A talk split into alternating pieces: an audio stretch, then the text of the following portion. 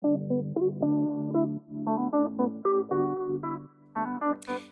hartelijk welkom bij opnieuw een Law Talk van WVO Advocaten. Vandaag zit ik hier met Pascal Willems, mijn collega. Hallo. En mijn naam is Annemarie Bussen. En vandaag gaan wij uh, aandacht besteden eigenlijk aan uh, een onderwerp wat door een van onze trouwe luisteraars, Suzanne, is, uh, is ingestuurd.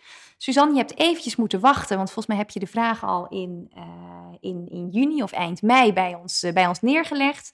Maar ehm, wij willen graag deze Law Talk besteden eigenlijk aan nou ja, het onderwerp de verantwoordelijkheid en aansprakelijkheid van heel veel betrokkenen bij het uh, ziekteverzuimtraject. Dan hebben we het over de werkgever, de werknemer, de bedrijfsarts, de arbodienst, het UWV, arbeidsdeskundige. Omdat wij gewoon uh, vaak vragen krijgen in de praktijk over van hè, wie moet nu wat weten. Ja, maar als werkgever weet ik dat toch niet, maar ik ben er wel weer verantwoordelijk voor. En uh, nou, wij vinden het een heel mooi onderwerp om samen eens even over gedachten van te wisselen. Pascal, mag ik jou uh, daarbij het woord even geven? Want jij bent er altijd wel heel, uh, heel duidelijk en heel, nou, vind ik, uh, uitgesproken over. Volgens mij noem jij het ook wel eens de drama-driehoek, als we het hebben over wie moet nu wat mogen en wel of niet weten en dat soort zaken. Ja, nou, de, de drama-driehoek is die tussen werkgever, werknemer en arbeidsdienst of bedrijfsarts. Hè? De verschillende verhoudingen daartussen, de rechtsverhoudingen. Tussen werkgever en werknemer heb je de, de arbeidsrelatie. Tussen de werkgever en de arbodienst of bedrijfsarts heb je het arbo-contract, het basiscontract wat we ook kennen, wat een vorm is van een overeenkomst van opdracht.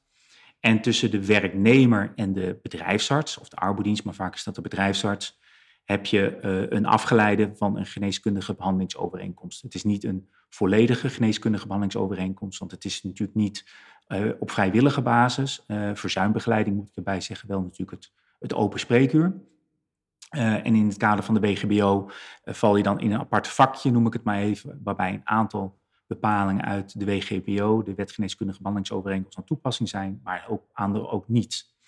Um, die driehoek, dat zorgt nog wel wat voor spanningen, met name wat Suzanne dus zegt van ja, um, als het fout gaat, hè, want um, ja, uh, er bemoeien zich dus heel veel personen rondom zo'n verzuimbegeleidingstraject. En dat moet ook op grond van de wet? Zeker. Um, maar zij zegt ook van ja, um, uh, de meeste werkgevers zijn helemaal niet bekwaam uh, als het gaat om de wetsverbetering poortwachten. En de meeste, dan denk ik dat ze vooral doelt op het MKB.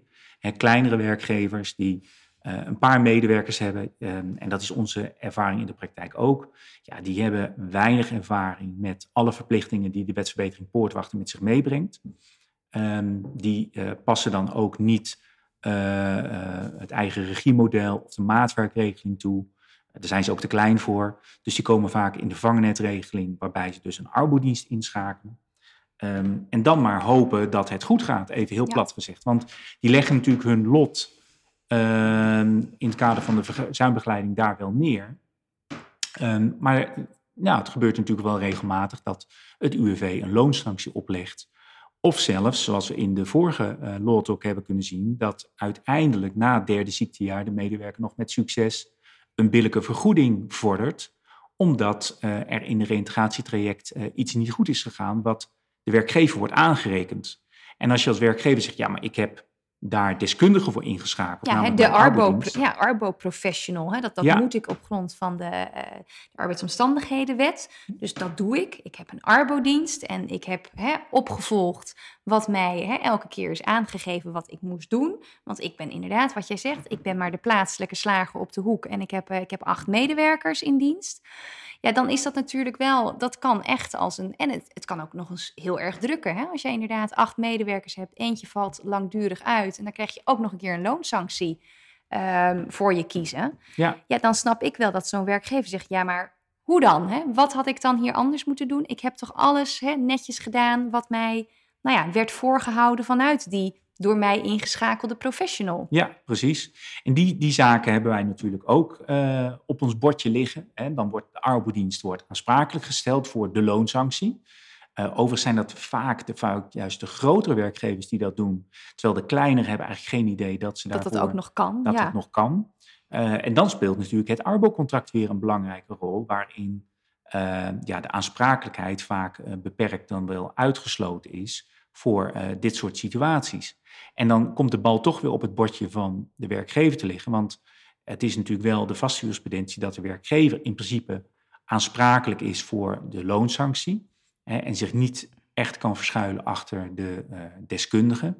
Waarbij je af en toe wel ziet, en daar hebben we ook al een keer een lawtalk aan uh, gewijd, dat kantonrechters daar wel gevoelig voor zijn. Of in het kader van loonsanctie natuurlijk de bestuursrechter. Dat hij ook wel zegt soms van ja, als je nou echt alles hebt gedaan, ehm, dan wat, wat de arbeidsdienst heeft verteld, ja, dan is het niet altijd even reëel om dan die bal maar bij de werkgever neer te leggen. Uh, in de gegeven omstandigheden hè, had deze werkgever beter kunnen weten. Heeft hij eigenlijk blind het gevolgd zonder daarover na te denken? Of zit hier ook wel een redelijk verhaal achter? Daar zie je nog wel eens wat verschillen tussen. Wat je ook wel in de praktijk ziet, is dat een uh, civiele rechter, als het gaat om de aansprakelijkheid, ehm, delen van de algemene voorwaarden buiten beschouwing laat. Omdat hij zegt, ja, het is niet redelijk in het kader van de redelijkheid en billijkheid uh, om je te verschuilen achter de aansprakelijkheid als jij als arbeidsdienst zulke fouten maakt, ja, dan... gezien de impact die een loonsanctie heeft. Uh, tegelijkertijd zijn soms die arbeidscontracten van een beperkte omvang als het gaat om financiële vergoeding, uh, soms enkele tientjes per medewerker per jaar. En daar dan een loonsanctie aan te koppelen van vele duizenden, zo niet tienduizenden euro's, voelt soms ook niet goed. Dus daar zie je dat het soms wel weer de andere kant op gaat. Ik denk wel dat je in het achterhoofd moet houden als werkgever. Uh, kan je niet simpel zeggen: ik, ik weet helemaal van niks, dus ik leg het volledig ergens anders neer. Als je dat ook niet goed contractueel vastlegt. En daar springt natuurlijk wel de crux, want als je onwetend bent, leg je dat ook weer niet vast. Um, maar het zijn van werkgever brengt wel bepaalde verantwoordelijkheden met zich mee en ook een bepaalde bewustwording uh, daarbij. Er valt natuurlijk niet op één manier te zeggen, uh, het balletje rolt altijd die kant op. Um, dus het is, ja, en dat zeggen wij als juristen natuurlijk, het hangt van de omstandigheden van het geval af. Ja. Of vaker hoe je de feiten presenteert bij de rechter. Hè, want dat dat is ook nog wel een groot verschil, inderdaad. Precies, mensen realiseren zich niet dat rechters passen het recht toe op basis van de feiten die neergelegd worden. Uh, en onze rol als juristen is in eerste instantie natuurlijk de juiste feiten aan te reiken. En dan helpen wij de rechter nog een stukje door te benoemen welk recht erbij past. Maar in principe moet de rechter het recht toepassen op de feiten die neergelegd worden. En ehm, als die betwist worden, uh, in hoeverre ze bewezen kunnen worden. En dat is denk ik wel belangrijk uh, voor, de, voor de praktijk. Dat de feiten, hoe die neergelegd worden, uh, onder welke omstandigheden is het contact tot stand gekomen, is dat gegaan via bijvoorbeeld een tussenpersoon of is dat rechtstreeks? Ben je zelf op zoek gegaan naar een arbeidsdienst? Of is dat via een bepaalde tussenpersoon eigenlijk ja, in je schoot geworpen, gekoppeld aan een verzekering? Dat maakt natuurlijk best een, een verschil. Um, en die aansprakelijkheden, ja, die kunnen natuurlijk best oplopen. De loonsancties zijn natuurlijk de, de grootste vorm daarvan, maar in het verlengde van nogmaals de, de vorige lawtalk, de billijke vergoeding die daaruit voort kan vloeien, ja. uh, kan er ook nog eens een keertje bij komen. En dan kan het echt om flinke, flinke bedragen gaan. En, en uh, volgens mij geeft Suzanne ook aan bij haar vraag van ja, maar hè, is het dan zo dat je in de praktijk, omdat dus werkgevers hè, die dan wel het fenomeen loonsanctie kennen, hè, dat, dat ze daarvan op de hoogte zijn, dat ze daar heel erg, hè, heel erg strak op die reïntegratie gaan zitten. Want stel je voor dat ik anders een loonsanctie krijg, wat, wat, dat daardoor ook misschien weer hè, een beetje de ja, de soepelheid of, of hè, af en toe misschien net even iets wat, wat afwijken. Of hè, dat, dat, dat werkgevers weer te hard die reïntegratie uh, willen, willen insteken. Dat... Ja, nou ja, de, de angst voor de loonsanctie is natuurlijk groot. Ja. Um, en daar snap ik, ik snap wel dat werkgevers daar heel, terug, of heel voorzichtig in zijn natuurlijk. En toch ook heel erg gaan hangen op zo'n uh, arbeidsdienst. Uh, wat je soms wel ziet, is dat de arbeidsdienst te weinig feeling heeft met de werkgever of de organisatie van de werkgever. Uh, of soms uh, ja, medewerkers als nummers beschouwt. Dat doen ze niet bewust, maar het is tegenwoordig natuurlijk heel erg druk. Dus het is, soms is het gewoon het, ja, het doorgaan van al die processen, ja. waardoor de verhouding tussen werkgever en werknemer een beetje naar de achtergrond verschuift. en daardoor eigenlijk de menselijke maat ook ontbreekt. En als je als werkgever dan angstig bent en denk ja, ik moet maar blind vertrouwen op wat de arbeidsdienst doet, dan verlies je daarmee ook soms wel het contact met, uh, met de medewerker. een van de, van de dingen in de praktijk, wat wij in ieder geval tegen onze werkgevers als klanten wel zeggen, van ehm, het kiezen van de, de arbodienst is een heel belangrijk element. kies de arbodienst die bij je past en niet alleen op basis van financiën, Juist, want dat is soms pennywise pound foolish. Um, het mooiste is als je natuurlijk een langdurige relatie aangaat, waarbij zowel het belang van de werkgever als de werknemer voldoende naar voren komt.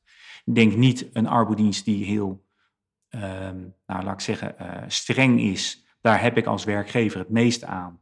Want dat kan echt toe leiden dat uh, ze bijvoorbeeld te streng zijn en daardoor de medewerker, nou ja, een, dat er bijvoorbeeld een loonsanctie wordt opgelegd op die medewerker, die billijke vergoeding kan meekrijgen. Maar zoek echt naar eentje die bij je past, die bij de medewerkers past. En uh, kijk dus niet alleen maar naar uh, die financiële kant. Nee, want dat, dat, dat, is, dat zien we natuurlijk ook nog eens. Hè? Dat wij een vraag krijgen van een werkgever van... joh, nou, hè, die, die, die, die bedrijfsarts, dat vind ik, vind ik maar allemaal te soft. Ik ben echt op zoek naar, hè, naar eentje die, uh, die keihard is en van doorpakken weet. En dat is natuurlijk een hele lastige, vind ik altijd een hele lastige opmerking. Want soms snap ik wel wat ze bedoelen. Hè? Dat ze zeggen, maar, ja, hè, waarom kunnen we het gesprek toch niet aangaan? Want we hebben de beste intenties.